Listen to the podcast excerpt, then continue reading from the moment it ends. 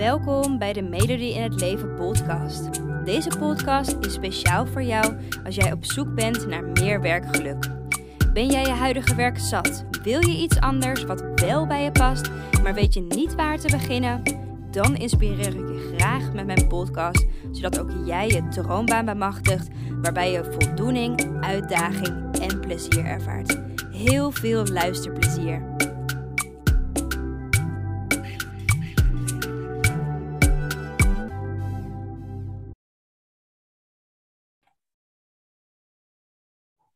Oké, hallo. Een nieuwe podcast vandaag. En deze podcast ben ik niet in mijn eentje bij, want Joyce is er ook bij. Um, dus het gaat een fantastische podcast worden. En volgens mij heeft ze je heel veel belangrijke tips en informatie te vertellen. Um, Joyce, welkom. Hi, leuk hier te zijn.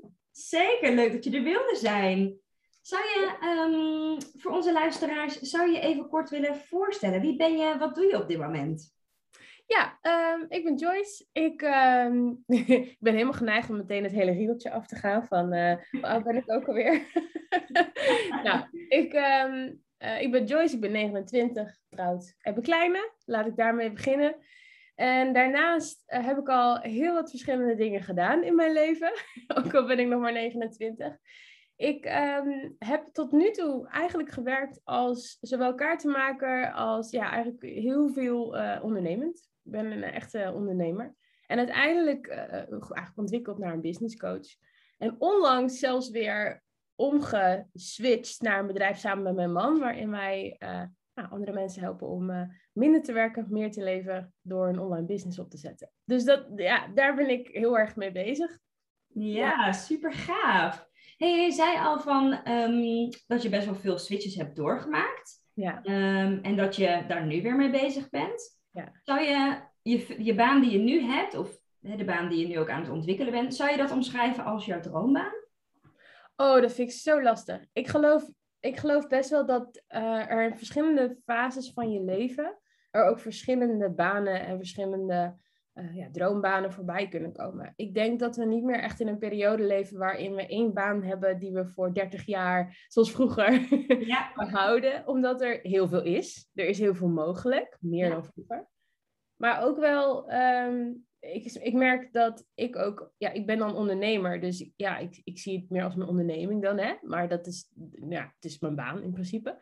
Maar ik zie ook dat ik daardoor heel erg ontwikkel. Dus zeker in ondernemen merk ik, ik ontwikkel weer door. En dan komt er een nieuwe uitdaging. En dan zie ik, oh hey, dit is waar ik nu heel goed voor anderen iets kan betekenen. En dat maakt dat ik daardoor telkens doorontwikkel. Dus als ik zeg, dus nu mijn droombaan, voor nu wel. Ja, maar dat was zeg maar mijn eerste baan, uh, mijn eerste onderneming uh, twee jaar geleden, wat is het? Nee, zes jaar geleden ook. Dus ja, ja die, ik denk, kijk er op die manier tegenaan. Ja, precies. En hoe is dat dan voor jou? Want je zegt, hey, je bent natuurlijk ondernemer, je ontwikkelt jezelf door. Um, is het dan dat je een gat in de markt ziet, of dat je denkt, oh, dat is een goed idee, daar zou ik goed bij kunnen helpen, en dat je dan meteen dat balletje gaat rollen en je duikt er helemaal in? Hoe, hoe, hoe ontstaat dat? Vaak door een innerlijke frustratie. Daar begint het mee. Dus dat de allereerste keer ondernemen. Ik ben niet opgevoed in een ondernemersgezin. Ik kom eigenlijk uit een omgeving waar ondernemen helemaal niet voor mij bekend was of bestond. Ja. Mijn man die ging uh, als eerste ondernemer tien jaar geleden. En daar kreeg ik het een beetje van mee. En toen gingen wij trouwen. En toen maakte ik een trouwkaart. En dat sloeg aan omdat het net buiten alle andere kaarten van toen viel. En op die manier ben ik erin gerold. Toen zag ik wel, oh hey, mogelijkheid. Um, ga maar gewoon proberen, wie weet. Dat liep dus uit de hand. En vanuit daar heb ik gemerkt dat ik... Mijn onderneming begon gewoon te lopen. En terwijl er heel veel mensen waren die trouwkaarten wilden maken, waarbij het niet begon te lopen. En daar was voor mij een eye-opener. Ik kreeg op een gegeven moment veel vragen over de dingen die ik deed. En zo is het een beetje gelopen dat ik eerst mensen ben gaan helpen op dat vlak. Dus op mijn specifieke, in mijn specifieke werkveld. Hè, als, als, ja. als kaartenmaker als het ware. En kalligraaf. Ik werkte met kroontjespen en inkt. Oh ja, en zo. En gekalligrafeerde enveloppen. Um, en vanuit daar is dat weer zeg maar doorgegroeid naar een nieuwe vraag die ik veel kreeg. Namelijk, ik kreeg gewoon heel veel vragen over hoe doe je dat klanten binnenhalen op Instagram. Dat, 90% van mijn klanten kwam via Instagram. Ja. En dus dan, daar werd ik dan weer een soort, ja, dat ging eigenlijk van daar naar een personal branding coach. En vanuit daar merkte ik, ja, maar ik, ik ga veel breder dan dat. Ja. Ehm, uit vraag eigenlijk, om mij heen. En wat er nu Ja. gebeurt, is ook weer dat ik zie eh, waar eh, struggles liggen voor mensen. Want ik zie heel vaak, ik weet niet, ik herkennen de mensen die luisteren misschien ook wel. Je wil van alles volgen, je wil van alles doen, allerlei cursussen en trainingen. Maar de, de grootste ja, smoes, laat ik het even zo zeggen, is toch wel, ik heb geen tijd. Ja. En dan zie ik dat inderdaad dus weer gewoon in de markt gebeuren. Dat ik denk, ja jongens, ik snap het ook. Ik snap het. Als je vier, vijf dagen in de week werkt, je hebt een gezin, je hebt een huishouden, dan heb je ook voor je idee weinig tijd. Nou, en wij willen mensen dus nu helpen om minder, ja, min- ja, minder te werken en meer, meer tijd over te houden. Dus dat was weer ook zichtbaar in de markt. En ook naar de vraag die ik dus heel vaak kreeg en de frustratie. Dat ik dacht, ja, maar het is zo goed om deze cursus te doen. Of het is zo goed om je hierin te ontwikkelen of hier meer over te leren. En als je tijd het probleem is, dan wil ik dat graag oplossen. Ja, precies. Hey, en als ik dan aan hè, de dames help die ik geholpen heb, maar ook hè, die, die, eh, die hulp kunnen gebruiken eigenlijk, is ook vaak wat ik hoor van, ehm, ja, maar ja, hè, als ik dan minder ga werken, hè, komt er dan nog wel geld binnen? Hè? Een stukje financiële zekerheid, want hè, de rekeningen moeten wel betaald worden. Ja. Hoe, hoe doe jij dat dan? Of hoe zie jij dat dan? Ehm, nu is het wel anders dan toen ik begon met ondernemen. Dat is wel een verschil, moet ik heel eerlijk in zijn. Hè? Ik heb nu een gezin, ik moet daar ook... Je hebt dan gewoon iets meer verantwoordelijkheidsgevoel. Ja. Ik zeg niet dat je per se meer verantwoordelijkheden hebt, want ik denk dat je die ook wel voor een gedeelte kunt creëren. Dat je denkt dat je heel veel moet hebben, zeg maar. Ja. Ehm, maar toen ik begon, had ik 600 euro per maand nodig om rond te komen. En toen ben ik gewoon gaan ondernemen. Dat was gewoon een vrij lage drempel. En ik denk dat daar nog steeds wel de sleutel ligt. Wat heb je nodig? Wat ben je bereid op te geven? Juist. wij komen, wij wonen nu in een huis wat, eh, nou, ik denk de helft minder kost dan de huizen waar wij vandaan komen. Wij hebben drie maanden gekeken of we een huis in Amsterdam konden krijgen. Ehm, nou, dat had best gekund, maar dan hadden we dus de dubbel zoveel betaald. En nu wonen we in Zutphen en zitten we op een heerlijke plek. En voor ons is dat ook wel van, ja, waar ga je wonen? Wat is je, wat is je standaard? Juist. voor auto rijden. Wat... En het betekent niet dat je helemaal geen mooie dingen moet hebben. Ik bedoel, we hebben een mooi huis, we hebben een mooie auto. Maar ehm, ik denk dat er in de huidige maatschappij ook wel bepaalde eh, verwachtingen zijn rondom hoe jouw leven in elkaar steekt. En als je daarvan los probeert te komen of durft te komen Ja. en bepaalt wat voor jou belangrijk is in je leven, dan ga je andere keuzes maken. En dan kun je ook ehm, ja, bepaalde dingen terugschalen aan uitgaven, waardoor je dus ook minder hoeft te verdienen en je misschien wel het werk kunt gaan doen wat je leuk vindt. Juist, precies. Super interessant dat je dat zo zegt. Omdat ehm, dit is inderdaad precies wat ik heel erg veel zie. Hè? Dat, dat we het idee hebben van we hebben geen geld bijvoorbeeld. Of ik kan niet terugschalen in het aantal dagen dat ik werk. Maar hè, vervolgens wel de nieuwste iPhone kopen. Of hè, eh, Hartjescentrum Amsterdam wonen. En eh, nou ja, heel veel huur betalen. Dus Ja. jij zegt eigenlijk, eh, is jouw standpunt of jullie standpunt ook, hè, in het bedrijf dat jullie nu aan het opzetten zijn. Of mee bezig zijn. Is dus eigenlijk ga kijken, hè, wat kan je ja, inleveren? Waar ben je bereid toe om dus iets terug te schalen voor een vrijer leven? Ja, ja, niet boven je standaard leven. Ik denk Ja. dat dat ook heel veel gebeurt. Ja, Ehm, en dan, en dat is, daar is op zich natuurlijk niks mis mee als je daarvoor kiest. Hè? Het is niet dat dat verkeerd is. ja, Maar als er een vraag leeft van een ander leven en je, doet toch, je neemt toch een hypotheek die bijvoorbeeld net boven je, net, net een beetje krap is, ja, dan zet je jezelf wel eerder vast in je mogelijkheden. Ehm, Ja. Als je een hypotheek hebt waarbij je allebei bijvoorbeeld fulltime moet blijven werken. Ik, ik, ik zeg maar even een, een voorbeeldje. ja, ja. Dan wordt het gewoon wel lastiger om met dat huis eh, te gaan switchen in je baan als je dat ooit zou willen. Of inderdaad, Ja. als er een keer kinderen komen of, of al zijn hè, en je wilt toch minder gaan werken. Er zijn nog steeds een heleboel vrouwen die dat willen. Dan kan ik, ja, dan, dan, het is zo zonde als mensen zeggen, ja, maar dat kan niet. Want daar ben ik dan dus niet, daar, daar gaat het bij mij niet meer zo goed in. Omdat ik niet denk dat het niet kan, maar dat is puur ja, wel keuzes die je maakt. En die keuzes die je dan maakt zijn oké als je daarbij wil blijven. Ja. Maar ja, ik, ik ben dan ook alweer zo rechtstreeks dat ik dan zeg, ja, maar oké, als dat je keuze is, dan, dan, moet je ook niet zeggen dat je het anders wil, want dat is je keuze. Jij hebt de vrije keuze om te kiezen welke richting je op wil. Alleen het kan eng zijn, het kan spannend zijn. Nou ja, en daar ben jij natuurlijk ook uh, uh, heel goed in om ze daarin mee te helpen. Maar die angst is niet altijd een reden om het dan maar niet te doen. Juist, ja, absoluut. Ja, daar geloof ik ook heel erg in hoor. Juist, die angst laat eigenlijk juist zien dat dat het pad is waar je naartoe moet. Het is spannend, maar daar moet je vaak doorheen om te kunnen uh, krijgen of bereiken wat je echt wil. Ja, ja. ja klopt helemaal. Ja. je zei van dat je als uh, kaartenmaker onder andere gewerkt hebt. Was dat je eerste, eerste baan? Dat was natuurlijk je eerste onderneming, maar was dat ook echt je eerste baan? Ja, ik heb daarvoor eigenlijk niet in, uh, in loondienst. Ik zeg altijd, ik heb nooit in loondienst gewerkt. Ja. ik heb nooit bij een baas of een kantoor gezeten. Ik heb wel uh, heel veel in de horeca gewerkt, hè, als tienerbaantjes en zo. Maar ik was 21 toen ik begon, 22 eh, toen ik begon met ondernemen.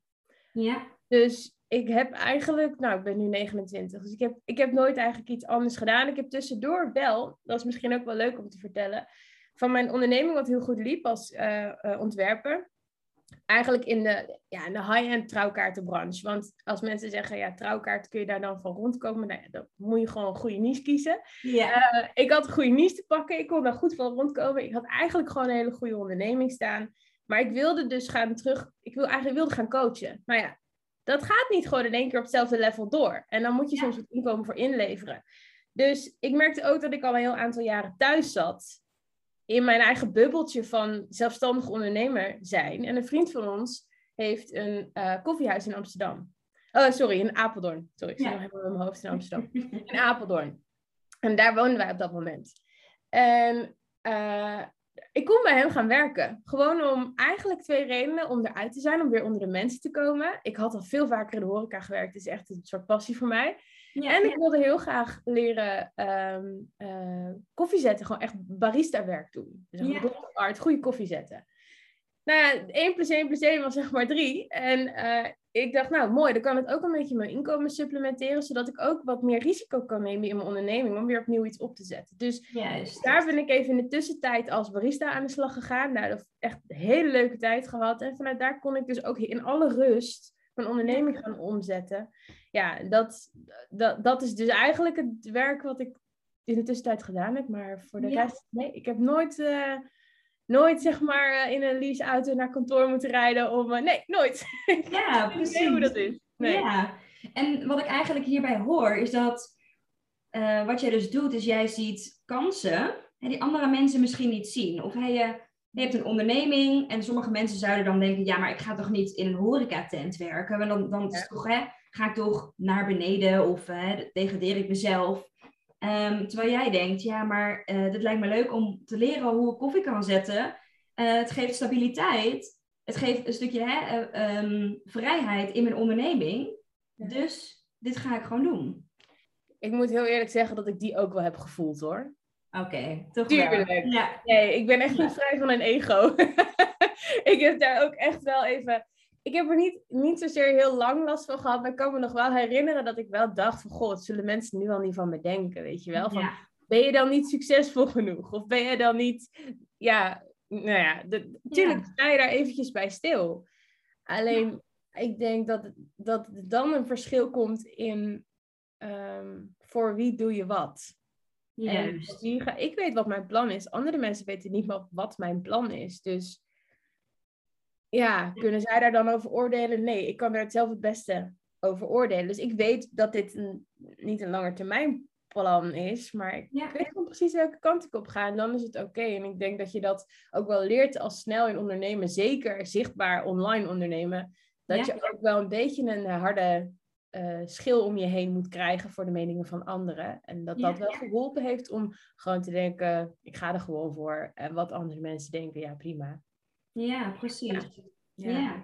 En hoe, hoe doe je dat? Want ik kan me voorstellen dat de dames die nu luisteren, dat zij dat toch wel spannend vinden. Want Ja. bijvoorbeeld een stap nemen uit je werk zetten, heb je al natuurlijk je ouders hè, die zeggen van, eh, moet je dat vaste contract wel opgeven? Of uh, je partner, hè, de huur moet wel betaald worden. Dus hoe zorg jij ervoor dat je je minder of weinig, of niet misschien zelfs, iets aantrekt voor de mening van anderen? Um, in mijn geval ben ik daar, ja, ik heb niet, wat ik net al zei, ik heb natuurlijk nooit in loondienst gewerkt. Dus voor mij, en ik begon jong met ondernemen, dus ik heb niet die hele grote switch die veel vrouwen nu ervaren of, of voor zich zien. Ja. Um, heb ik niet gehad. Maar ik ben wel gestopt met mijn universitaire studie. Nou, dat wordt ook niet echt in dank afgenomen als je ouders. Uh, dus, dus daarin kon ik enigszins wel relateren. Van, dat heb ik ook wel ervaren. Ja. Wat ik zelf heel belangrijk vond, um, is toch een rekensom doen. Als jij weet dat het voor een bepaalde periode te redden is. En ook heel veel mensen zeggen, ja, je moet geen plan B hebben, want dan heb je iets om terug te vallen. Ja, ik ben het daar dus niet helemaal mee eens. Want voor mij was het alleen al het idee van ik kan altijd terug naar de horeca en ik kan daar altijd gewoon mijn basisinkomen uithalen. Was gewoon een heel fijn idee. Ik heb er nooit gebruik van hoeven te maken. Maar het was wel een heel fijn idee. Ja. Um, daar komen we wel natuurlijk weer terug op ja, wat je inkomen dan is. Wat, ja, als jij nu 3000 euro per maand verdient, dan wordt het lastig om terug te halen in de horeca vier dagen in de week. Dus, eh, goed, het zal niet voor iedereen op die manier gelden, maar um... oh ja, ik, wat was je eerste vraag ook alweer? Even de vraag was hoe jij ervoor zorgt dat je, laat maar zeggen, je niets of weinig aantrekt van de mening van anderen. Ja, um...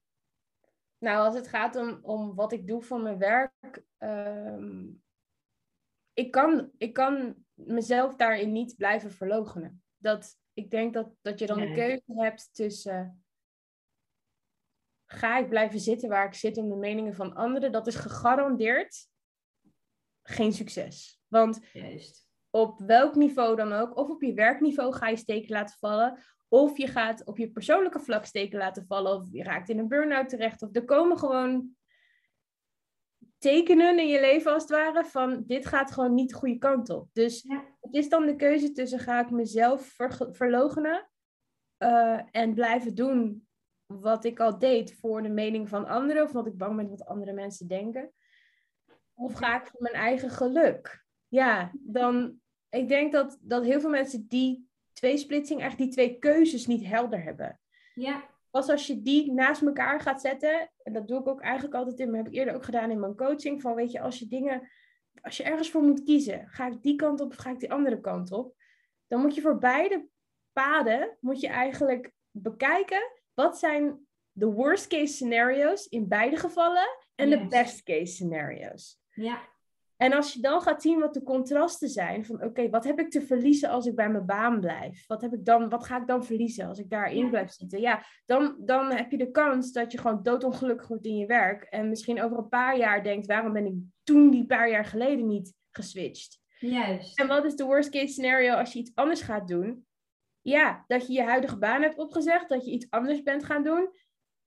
Misschien werkt dat niet, ja. dan kom je weer op hetzelfde punt waar je nu staat. Dus wat is dan het ergste wat er kan gebeuren in beide gevallen? Nou ja, als je dat naast elkaar gaat zetten, en als je het dan hebt over de mening van anderen, dat is dan de andere kant. Hè? Ik ga of mijn werk geluk achterna, of ik ga me laten tegenhouden door de mening van anderen. En als je daar de, de, de, de consequenties heel duidelijk van in kaart brengt, ja. dan denk ik dat het voor heel veel mensen een no-brainer wordt om te kiezen. Juist, ja.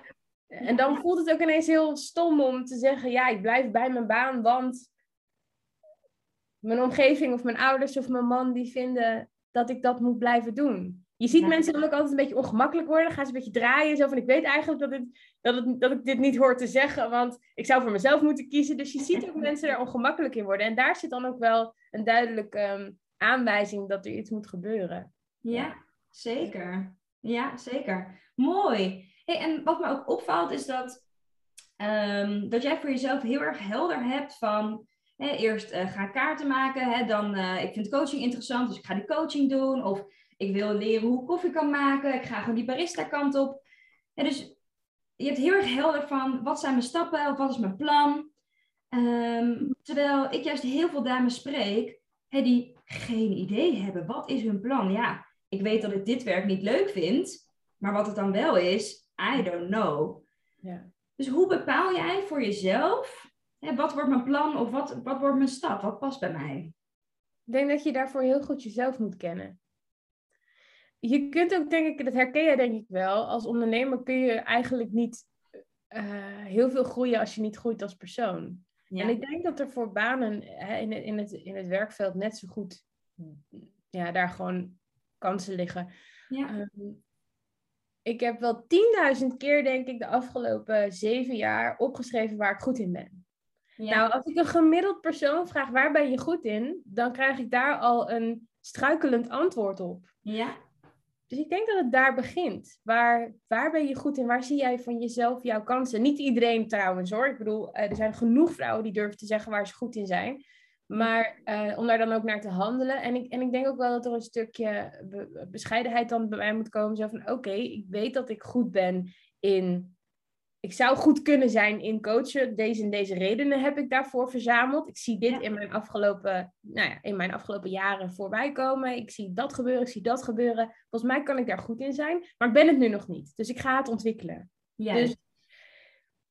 Dus mm, ik heb het dus wel heel vaak uitgeschreven, denk ik. Dat, wat, wat, Ja. wat, waar ben ik goed in? Oh ja, wat was het ook alweer? Ehm, welke richting wil ik ook weer op? En het klinkt misschien als een heel helder plan, maar er gaat altijd... Ik vergelijk het altijd met een huis opruimen. Als je een nieuwe stap gaat maken, je moet eerst alle zooi uit de kasten trekken. En dan wordt het één groot chaos. ja. En dan kun je gaan opruimen. En hetzelfde geldt met zo'n switch tussen banen. Dat je, het moet chaotisch voelen, omdat dat de bedoeling is. Zodat je het kunt gaan opruimen en een nieuwe stap kan maken. Dus het is niet altijd een heel duidelijk plan geweest, maar ehm, een fase van, ja, ga ik een fancy woord gebru- gebruiken, introspectie. Echt wel kijken van, oké, wie ben ik, waar sta ik voor, waar ben ik ook weer goed in. ja. Wat vond ik de afgelopen tijd wel leuk, niet leuk om te doen? En daar dan een conclusie uittrekken. En soms ook gewoon met je omgeving over hebben. Mensen die je vertrouwt, die je ondersteunen, die kiezen, die zeggen wat voor jou goed is, in plaats van wat voor hen goed is. Juist. Ja. Dus op, op die manier, denk ik. Ja, precies. Ja. Heel erg mooi dat je dat ook zo zegt. Van, hè, dat echt dus introspectie, hè, dus kijken naar jezelf. ehm, dat dat het heel erg is. En dat je het niet ook meteen kan verwachten. Oké, hè, mijn huis is schoon. Is opgeruimd. Boom. Klaar. Nee, er moet eerst chaos aan vooraf gaan. Eerst hè, jezelf herontdekken. Inzoomen op jezelf. eh, en vervolgens kan je hè, eigenlijk een stap gaan maken. Ja, en als je weet ook dat die chaos daar zeg maar bij hoort, dan is die Ja. ook gewoon veel minder zwaar om te dragen. Dan, is het, dan denk je ook van, oh ja, oh ja, dit, is, dit, dit, dit hoort erbij. Ja, zeker. Ja. Dat zeg, ja. Klopt, inderdaad. De dames die ik bijvoorbeeld dus daarin begeleid, die hebben op het begin altijd zoiets van, oh ja, ja zelf, zelfkennis en leren over mezelf is heel erg moeilijk en heel erg zwaar. En hè, dat maakt het mijn werk in loondienst nog zwaarder, want hè, er komt de druk op te liggen. Terwijl op het moment als ze ermee aan de slag gaan, merken ze juist, oh, het geeft ook heel veel helderheid. Het ruimt ook op. Oh, en het maakt eigenlijk mijn werk op dit moment zelfs draaglijker, omdat ik met een plan hè, ergens naartoe werk. Ja. Mooi. Ja. Ja, het, het grappige is, wat mij dan opvalt, wat jij nu zegt, is dat, dat er dus al ingevuld wordt van tevoren hoe het gaat zijn, Ja, voordat het daadwerkelijk ervaren is wat het gaat zijn.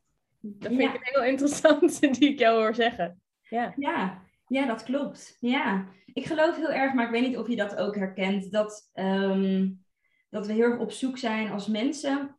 En zeker als je een beetje in een, in een benauwde situatie staat, dat je kijkt van hé, wat zijn de, de routes die je kan nemen en wat kan ik daarvan verwachten? Dus hoe zal dat dan zijn? Ja. Ehm, ja, en dan hè, wordt het dus invullen en ja, bepaalde routes niet uitkiezen. Ik weet Ja. niet of je dat herkent.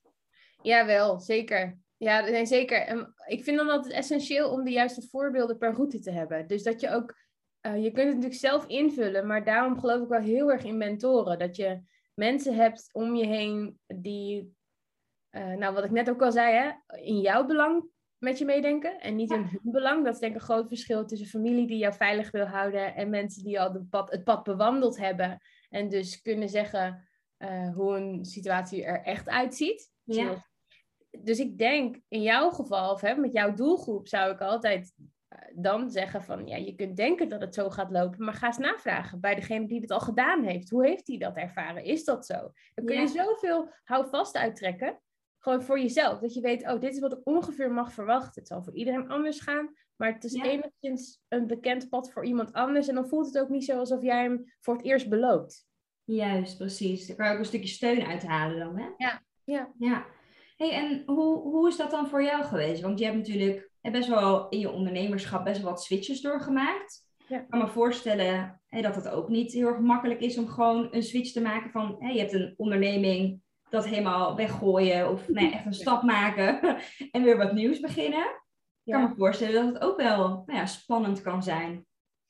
Zeker, ja, ik ben vrij zwart-wit daarin. Daar word ik nog wel eens een beetje om uitgelachen door mijn man. als, ik, als ik een idee in mijn hoofd heb, dan is het ook heel snel van... Ja, nee, dan gaan we dat gewoon zo doen. Ja. Ehm, dan heb ik een, een heel mooi programma gemaakt voor mijn huid. Ja, voor mijn, hè, als business coach heb ik echt een fantastisch programma staan. En dan wil ik nu met mijn man een onderneming op gaan zetten. Eh, daar zijn we dan dus nu mee bezig. Ja, En dan kan ik ook zo dat hele programma aan de kant schuiven. Terwijl mijn man dan zegt, maar daar heb je vet veel tijd in gestoken. En dat is heel waardevol. En natuurlijk kunnen we dat wel weer gebruiken voor de volgende stap. Maar ik ben wel iemand die dan een soort van eh, helemaal opnieuw begint. Blank slate, blanco, opnieuw. ja, Ehm, tuurlijk is dat wel eng. Zeker ook in het financiële aspect. De, tu- ja, nee, ja. tu- er komen wel momenten van spanning bij kijken. Maar ik ben wel door de zoveel switches, denk ik al, eh, een beetje gewend geraakt aan. Ik heb het tot nu toe al zeven jaar gered. Waarom zou ik het de aankomende jaren niet redden? juist. Ja. Vertrouwen op jezelf en in jezelf. Dat ik altijd creatief genoeg ben om het voor elkaar te krijgen. Juist, ja. Als ondernemer is dat denk ik wel heel belangrijk. Ja. Ja, zeker. Ja, dat herken ik. En ook wat je zegt, hè, mocht het niet lukken, heb je altijd een soort van plan B. Er is altijd een backup. Je kan altijd terug naar hè, de horeca of in mijn geval is dat het onderwijs. Ik zou altijd terug kunnen. Ja. Ja. Ja, maar ik heb het ook nog nooit nodig gehad. Dus ik snap het heel erg dat je een soort van eigenlijk verkapte zekerheid hebt. Van Ja. ik kan terug naar die optie. Maar vooral met het focus, oké, ik ga hier gewoon een succes van maken en door. Ja, ik hoor ook wel, daar is denk ik eh, een, ja, een grijs gebied in, wat jij zegt, hè, dat verkapte zekerheid. Dat, daar ben ik het helemaal mee eens. Maar dat moet niet verward worden met, dan blijf ik maar bij mijn baan. Net zolang totdat ik ehm, met alle zekerheid over kan stappen voor, voor een andere baan. Of in mijn geval dan als ik ondernemerscoach voor mezelf. Ja, Eh, iemand zei dat vorige week nog tegen mij. eh, van ja, ik, ik merk nu dat ik gewoon te safe blijf spelen, te veilig blijf zitten. Nu ik mijn baan heb. En dat ik bereid ben om wat meer risico te gaan nemen. Dus Ja. voor ons is dan die backup heel lekker. Dat we weten dat, het, dat er een soort vangnet is. Van, we kunnen altijd terug naar iets. Maar dan springen we wel. En heel veel mensen denken, ik maak een vangnet. Ah, dan blijf ik nog even op die springplank wachten. En wachten en wachten. ja. Totdat ik ooit een keer die sprong ga durven nemen. Terwijl die. Nee, het is wel de bedoeling als je een vangnet hebt dat je dan ook springt. Dus ja. dat. Juist, ja. Niet dat je inderdaad daar nog jaren blijft zitten en dan jaren eigenlijk ongelukkig bent in je vangnet. Juist. Juist, ja. Mooi. hey, en ehm, jij hebt natuurlijk al best wel veel sprongen gemaakt. Ja. Wat is het moment voor jou dan om te springen? Hè, dus om zo'n switch te maken? Ehm, ik ga best wel op mijn gevoel af. Dus wat dat betreft is die niet altijd zo heel erg doordacht. Mhm. Eh, nou, hij, is wel, hij wordt wel goed doordacht. Wat ik zei, ik schrijf veel op. Dus ik schrijf wel veel op op het moment dat ik ergens eh, me ontevreden over voel. Of dat ik denk, oh, dit is hem niet meer. Ja. En, en voor mij is het ook wel een grote reden geweest. ehm, op een gegeven moment begon mijn onderneming boven mijn hoofd te groeien. En heel veel mensen zouden dan zeggen, nou, dan ga je meer mensen inhuren, dan ga je opschalen. ehm. maar ik merkte dat ik daar gewoon een enorm stressgevoel van kreeg. Ja. Ik kon pakketten inpakken. Nou, op een gegeven moment, dan heb je het over trouwkaarten die, die voor een heel groot gedeelte met de hand zijn gemaakt. Ehm, ambachtelijk eigenlijk zijn gemaakt. Die kun je niet zomaar even opnieuw bestellen. Ja. En dan PostNL laat dan een doos rode wijn over jouw doos trouwkaarten vallen tijdens Oh. de verzending. Kijk, dat soort stressvolle situaties, als je die op een gegeven moment opgestapeld krijgt, ik ben daar niet voor gemaakt. Ik heb een goede Ja. collega, die heeft een poosje bij mij gewerkt en die draait nu een ontzettend succesvol bedrijf zelf in trouwkaarten. Ja. Ja, die kan dat heel goed. Die, zij, zij is daar veel beter in dan ik. Dus het, nou ja, het komt dus weer terug bij het paste niet bij mij. Een webshop run heb ik ook geprobeerd. Paste niet bij mij. Maar je moet het wel eerst proberen voordat je weet wat wel of niet past. Ja. En voor mij was het elke keer een gevoel van: oké, ik hou hier stress van, ik ben er niet gelukkig in. Ik zie dat ik hier te veel energie ga weggeven. En ik merkte het nu ook weer met coachen, dat ik denk: ja, ik, ik wil wat meer betekenen dan alleen praten over marketing en sales op een, voor mijn gevoel, platte manier. Mijn doelgroep vond het helemaal niet dat het zo was. Ja. Eh, iedereen op Instagram die zei tegen mij: ah, Joyce, maar je doet toch fantastisch mooi werk? En ik zei zo van: ja, maar het voelt voor mij niet meer goed. Voor mij zit het niet meer op een level. Ik wil meer betekenen. Ik wil meer me- ja, mensen ook op een levensniveau. Dus hoe richten ze hun leven in helpen? Ja. En dat, dat kwam gewoon van mij binnen. Dat ik, dat ik merkte van: volgens mij ben ik zelf als persoon eh, een stap gegroeid. Ja. En daar past mijn werk nu niet meer bij. Een soort Ja. jas die je uitdoet. Maar Ja. dat is wel op gevoelsbasis, denk ik. Ja, juist, maar juist heel erg mooi, hè? Want wat ik ook merk is dat heel veel mensen, misschien herken je dat ook wel, heel erg in hun hoofd zitten hè, met gedachten en, en blijven malen. Terwijl heel veel beslissingen weet je al vanuit je gevoel. Hè, wat je zegt van ik wil meer zingeving of hè, dat, dat voel je. Dat is niet iets dat je ja, mentaal weet. Dat is echt een gevoel, dat is intuïtie. Nou, inderdaad. Ja. Ja. Neem, je, neem je dan dus eigenlijk ehm, ook keuzes, zo'n switch, maak je dat dus ook heel erg op basis van gevoel en van je intuïtie? Ja, ik denk het wel. Ja. Ehm, ja, als ik ook even terugdenk naar, naar toen ik nog jonger was, dus hè, toen in die beginjaren van mijn onderneming, dan denk ik dat ik eh, ook wel een stukje opstandigheid in mij heb zitten. Dus ik kan ook wel heel goed doen wat andere mensen zeg maar vinden van dat ik dat niet zou moeten doen. Ja, Dus, herkenbaar. ja. Dan heb ik zoiets van, watch me. Ja. ik, ga het gewoon, eh, ik ga het gewoon in elk geval proberen en, en doen. Eh, daarbij ook bijkomend, ik denk als je jong bent, dan maak je ook wat eerder wat radicalere keuzes met je op basis van weinig meer dan je gevoel, omdat je denkt dat dat de juiste stap is. ja. Eh, op dit moment ben ik meer aan het oefenen ook om vaker te denken als je voor een keuze staat bijvoorbeeld, zoals nu deze stap die we nu maken, eh, is ik weet, ik, ik, ja, dat klinkt misschien, misschien een beetje ver gezocht voor sommigen, maar ehm, het antwoord zit ergens al. Dus Ja. ik geloof er wel in dat wij eigenlijk al, als er een vraag komt, in ons opkomt, dan zit het antwoord ook ergens al van binnen, anders zou die vraag er niet komen. Juist. Ja, Alleen heel vaak, wat jij zegt, ga je dan in je hoofd blijven zitten en dan zit je. Ja, dan ben je, dan ben je bezig met het zoeken naar het antwoord in je hoofd. Terwijl die inderdaad eerder zit waar de vraag vandaan komt. En die vraag komt veel vaker vanuit een onrust in je lijf of een onrust in je. Ja, ze zeggen Ja. niet vanuit rond je hart bijvoorbeeld. Dus ik, ik, ik denk wel dat het steeds meer is dat ik kies en, en ehm, ja, keuzes maak vanuit een intuïtie en een gevoel. Ehm, maar ook een, dat, daar ben ik dus mee aan het oefenen. Dat is voor mij dus ook nog niet zo normaal. Maar door gewoon vaker als ik een vraag heb, dat die vraag in te wisselen voor de, de gedachte, wat weet ik al hierover? Wat weet ik al? Wat, wat zit er al? Juist. Ja.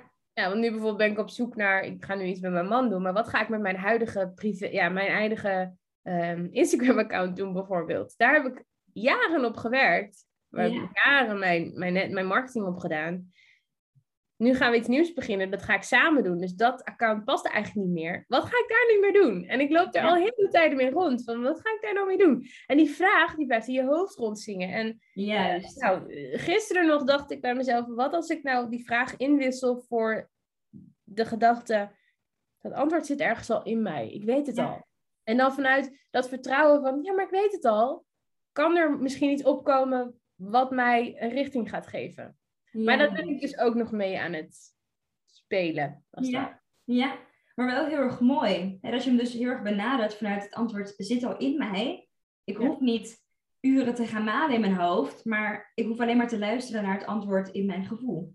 Dat is wel de bedoeling. Ja, of het altijd lukt als een tweede, maar dat is wel de bedoeling, ja. ja. En Ja. dat is ook heel erg moeilijk hoor. Ik doe nu een, ehm, een nieuwe opleiding. Ik hou ook heel erg van eh cursussen volgen en eh, nou ja, hè, continu zelfontwikkeling. Waarbij ehm, het is een energetisch coachopleiding. Waarbij het dus helemaal gaat om hoe maak je keuze op basis van gevoel en intuïtie. En dat is een tweejarige opleiding. Hè? Dus ik snap dat dat niet in één keer is van, oh ja, ik kan keuze maken op basis van gevoel. Ehm, maar wel heel erg mooi dat je daar al wel heel erg bewust van bent en echt mee bezig bent ook. Ik denk ook wel heel erg inspiratievol voor anderen. Ja, ik hoop het. Ja, ik hoop het. Ja. Ik kan alleen maar zeggen uh, dat dat. Ehm, als ik jou nu zo daar ook over hoor praten, dan denk ik, dan is het denk ik ook wel belangrijk om erbij te vertellen dat ik al vrij ehm, eh, veel situaties heb meegemaakt in mijn jongere leven, waardoor ik ook wel moest gaan vertrouwen op mijzelf. Als ware. Mijn moeder is vrij vroeg over, vrij vroeg, nou ja, vlak voordat ik ging ondernemen eigenlijk, is zij overleden. Mm. Plotseling. Ik was net uh, vijf maanden getrouwd. Oh, en daarvoor kwamen nogal een heel aantal dingen in mijn leven, waardoor ik eigenlijk al veel jonger volwassen moest worden. En veel eerder al moest gaan vertrouwen op dat gevoel. En wat jij dan zegt, hè, niet intuïtie. Ja. Um, maar je weet zeker, als je moeder wegvalt, dan word je gewoon in één klap volwassen. Uh, om, en zeker in mijn geval, omdat mijn moeder eigenlijk de grootste aanwezigheid was in mijn jeugd. Dus dat, dat, dat je, je, moet dan bijna wel. en dan moet je wel als persoon gaan ontwikkelen. Uh, omdat dus weer die backup eigenlijk echt er niet meer is. Ja. Dat thuisfront is er dan niet meer zo. Dus ik, ik denk ook wel dat. Mm, het is altijd een beetje raar om te zeggen, maar ik ga het wel zeggen. Ik denk wel dat, dat mensen die al wat hebben meegemaakt in hun leven, daarin een voorsprong hebben. Ja, dat geloof ik ook. Ja, dat geloof ik ook. Als jij op een bepaald moment in een soort, op een soort kruispunt staat en moet kiezen tussen ik ga nu dit doen of dat doen, door iets wat jou eigenlijk gedwongen wordt om te kiezen, namelijk een overlijden, een, een crisissituatie, ergens waar, je, waar jij op dat moment eh, voelt, daar heb ik geen macht over, dat onmacht, onmachtelo ja, een machteloos gevoel, dan heb je de kans om, ook, om er iets van te maken en dan heb je de kans om er dus in te verdwijnen. En dat, nou ja, als je al vroeg hebt gekozen om er iets van te gaan maken, dan denk ik dat je dat al snel in je patroon krijgt om vaker te doen. Dus ik denk dat dat ook wel aan de grondslag ligt van dat ik dat nu al iets makkelijker kan, omdat ik het al vaker heb gedaan. Ja, precies. Ja. En op dat moment, want ik herken heel erg wat je zegt hoor. Ehm, en op dat moment denk ik ook dat je dan gewend bent om een soort van uitdaging te hebben in je leven. Want hè, het was op dat moment nodig. En dat je dan dus ook in je vervolg ga je hè, dus opleidingen doen en cursussen doen. En ben je gewoon heel enthousiast en nieuwsgierig naar van alles en nog wat. Ja. Um, ik weet niet of je dat herkent. Oh ja, ja. Ja, ik ben nieuwsgierig van nature. ik ben me onlangs ook een beetje gaan verdiepen in, uh, in uh, horoscopen en zo. Ik, ik kom echt uit een, uit een vrij, um, nou niet conservatief, maar wel vrij uh, streng christelijk gezin, laat ik het zo zeggen. Dus ik ken die dingen allemaal niet zo. Ja. Uh, dat, is, dat is mij altijd een beetje geleerd om daar vooral niet in te stappen. En nu begin ik ook daarin wat meer openheid te, eh, te krijgen. En open-minded, dat doe ik al wel langer. Maar echt op, nou ja, eigenlijk als je op een gegeven moment naar kristallen en, en horoscopen gaat, dan ben je best wel voor mij, hè, vanuit mijn opvoeding, best wel een eind uh, al uh, afgedobberd, als het ware. maar daar kwam ook wel heel erg terug dat het wel past bij mijn sterrenbeeld en hoe, hoe, hoe bij mij erin zit, dat het nieuwsgierigheid, gewoon nieuwsgierigheid zit al in mij al vanaf vroeger. En, en ik heb dat dan vroeger vooral meegekregen ook wel vanuit mijn moeder, dat, dat was al niet zo positief. Dat ze allemaal wel iets hebben meegekregen van vroeger wat niet zo positief was. Van uh, je bent altijd haantje de voorste. Je moet altijd de eerste zijn. Nou, dat geeft je een soort opvoeding van, of een soort van um, patroon in jezelf van, oh, ik, ik moet bescheiden zijn, ik mag niet op de voorgrond stappen. Terwijl op die voorgrond stappen is juist mijn kracht. Juist om eerst als eerste te gaan en juist om, om meer als leider op te stappen en te zeggen, hé, hey, ik ga dit gewoon doen. En, en ik hoop mensen daar mee te nemen. Ja, dat, nou ja, dat moet je dan ontdekken van, oh wacht, dit, dit patroon is eigenlijk tegengestelde van mijn kracht. En dat zit dus, nou ja, gewoon in mij als persoon. Ehm, als je dat leert kennen en dat weet, dan kun je er meer mee. En dat zit allemaal weer op persoonlijke ontwikkeling. Dus, ja, ja, precies. Ja. Persoonlijke ontwikkeling in jezelf leren kennen is gewoon super belangrijk en blijft belangrijk. Het blijft belangrijk. Ja. Mooi hey, nog even, een, uh, want we dwalen een beetje af qua werk. Wat helemaal ook. Oh ja. we zijn lekker aan het kletsen. Um, maar wat ik me nog wel afvroeg is, hè, want je, je maakt best wel wat switches. Maar hoe voel je dan, om even bij gevoel te blijven, hoe voel je dan van, oké, ik heb de goede keuze gemaakt of ik zit op de juiste plek? Hoe, hoe weet je dat voor jezelf? Door te doen. Door te doen, ja. Ja. ja. Door het te doen, te voelen, te ervaren. Ehm, ik denk dat er heel veel, maar wat we net ook al even zeiden, denk dat je heel veel kunt blijven denken. Ja. En ehm, de, de, de echte ervaring of iets bij je past, komt pas wanneer je het gaat doen. Een coach zei een keer tegen mij, je hebt twee manieren om een ladder op te klimmen. Je kunt de ladder, stel dat even aan de bovenkant van de ladder datgene is wat jij denkt te willen gaan doen. Ja. Nou, je kunt twee, op twee manieren die ladder opklimmen. Je kunt die ladder opklimmen op heel langzaam, heel langzaam omhoog klimmen.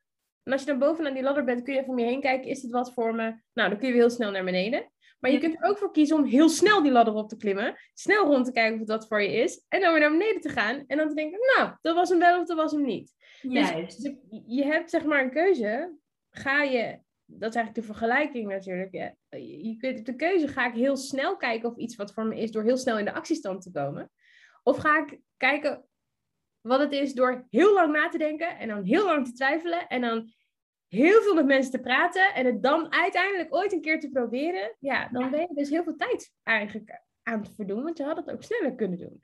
Ja. Ehm, dus ik denk dat ik dat laatste wel vaker doe. Van snel de ladder op. Kijken, is dit wat voor me? En, en ik denk dat je pas weet of, wat, of het wat voor je is als je eenmaal in die actiestand gaat staan. En, en is inderdaad minder gaat nadenken en het gaat doen. En dat kan ook gewoon dus stage lopen zijn. Hè? Dat hoeft helemaal niet per se meteen mijn baan op te zeggen zijn. Nee, Ja. je kunt ook zeggen van ik, eh, ik ga wel wat extra tijd inleveren. Om, omdat ik dit wil uitzoeken. En ik ga op mijn vijfde vrije dag bijvoorbeeld eh, in de week ga ik gratis stage lopen bij een ander bedrijf om te kijken wat ik daar kan. En heel veel mensen zullen zeggen, ja, gratis, daar ga ik niet aan beginnen hoor. Want tijd ik heb een vet goede baan. Ik ga mijn tijd niet inleveren voor, eh, voor een gratis dag werken. Ja, maar dan ga je niet groeien. Als, als dat je houding is, als dat je instelling is, dat gaat gewoon, dat gaat gewoon niet werken. Ja.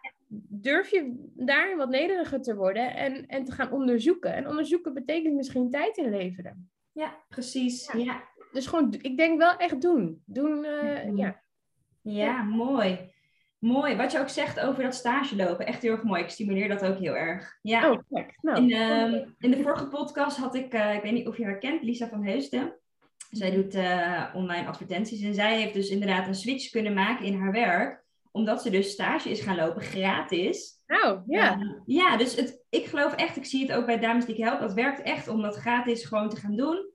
Je moet je inderdaad even nederig opstellen. Mhm. Eh, iets wat minder inkomsten, maar uiteindelijk, als dat je brengt naar hè, dat je gelukkig bent in je werk, gelukkig bent in je leven, hè, dat je je fijn voelt, Ja. then it's worth it, toch? Ja. Ja. ja, en al, en al komt eruit dat het niet zo is, dat het niet wat voor je is, dan weet je in elk geval dat het Juist. niet wat voor je is. Juist, ja, precies. Je Ja. leert er alleen maar van. Ja, Ja. zeker. hey, en hoe, ehm, wat is werkgeluk voor jou? Hoe, hoe zou jij dat omschrijven? Ehm, werkgeluk is voor mij eh, iets doen waar je je tijd in kan verliezen. Waardoor je merkt, ik. ehm, dat is altijd wel vaag. Ik weet, ik weet dat ik het zelf ook heel lang heel irritant heb gevonden als mensen zeggen ja, waar je je tijd in kunt verliezen. Maar ik, ik merk dat dus nu, op dit moment, als ik met mijn man samen mensen aan het coachen ben, hè, in wat wij nu doen, Ja. dan ehm, merk dat ik aanga, dat ik de tijd kan verliezen en dat een soort van vuurtje, een soort van vuurtje ontsteekt. Ja, En dat is voor mij wel een, ehm, ja, hoe zeg ik dat? Een soort ehm, factor om te weten, oké, dit is de juiste kant. Hier zit ik nu Ja. op het juiste moment. Dit is voor mij werkgeluk. ja, Ehm, en ook wel de vrijheid om het zelf in te, eh, ja, in te bouwen zoals ik het zelf wil. Maar dat is Ja. natuurlijk ook een ondernemerstrek. Van we willen graag de vrijheid om het zelf, eh, ja, zelf te doen. ja, later op je eigen, eigen leven. Als het ware. ja, zeker. Dus ja, Heb je, heb je daarin, hè, want je hebt natuurlijk best wel wat stappen genomen en dat innerlijk vuurtje gaat denk ik, als ik het zo hoor, steeds opnieuw aan en die zoek je steeds opnieuw. Mhm. Heb jij advies dat jij zou willen geven aan dames die op dit moment nog niet zo happy zijn in hun werk, maar dat wel graag willen? Je hebt maar één leven. Ja, Dat zou ik willen zeggen. En ik heb dat dus de hard way moeten leren doordat mijn moeder vroeg wegviel. En dus ook daarmee die spiegel heel snel voor me kreeg van ja, maar ja, het kan dus in, ja, best wel een heftige klap natuurlijk, hè? ook om die even nu mee te geven. Zo van, ik wil niet Ja. tegen alle vrouwen zeggen, je leven kan morgen voorbij zijn. Maar het is precairder dan je denkt. En ehm, eh, nou ja, ik, het is een enorm cliché, maar ik geloof hem wel. Eh, op het moment dat jij aan het einde van je leven staat, wanneer die ook mag komen, ja. en je hebt dan niet gedaan wat je wel had willen doen, dan denk ik dat je jezelf enorm voor je kop gaat slaan.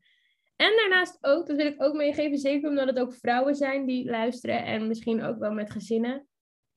Wat geef je als voorbeeld voor je kind? Geef je nou als voorbeeld voor je kind dat je liever veilig blijft en dat je eh, niet achter je geluk aangaat, terwijl je dat waarschijnlijk voor je kind wel zou willen? Dat vind ik ook wel een. eh, die heb ik al vaker van moeders gehoord voordat ik moeder werd. Nu ben ik moeder en nu snap ik hem wel heel erg. Van, Ja, wat is het voorbeeld wat je weggeeft met de keuze die je maakt?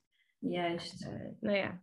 Dus Ja. je hebt maar één leven en welk voorbeeld draag je uit? Ja, Nou, als je die durft aan te kijken, dan denk ik dat, eh, dat je al wel vrij snel weet welke richting je op zou moeten gaan. En dan moet je maar gewoon bij Elodie terecht om die stappen te zetten. dat sowieso. Hey, en ehm, wat nou als, als, als de luisteraars zoiets hebben van, hey, die Joyce, ik ben heel erg benieuwd. eh, wat doet ze nou precies? Wat voor stappen gaat ze zetten in het bedrijf? Ehm, Hoe kunnen we jou vinden?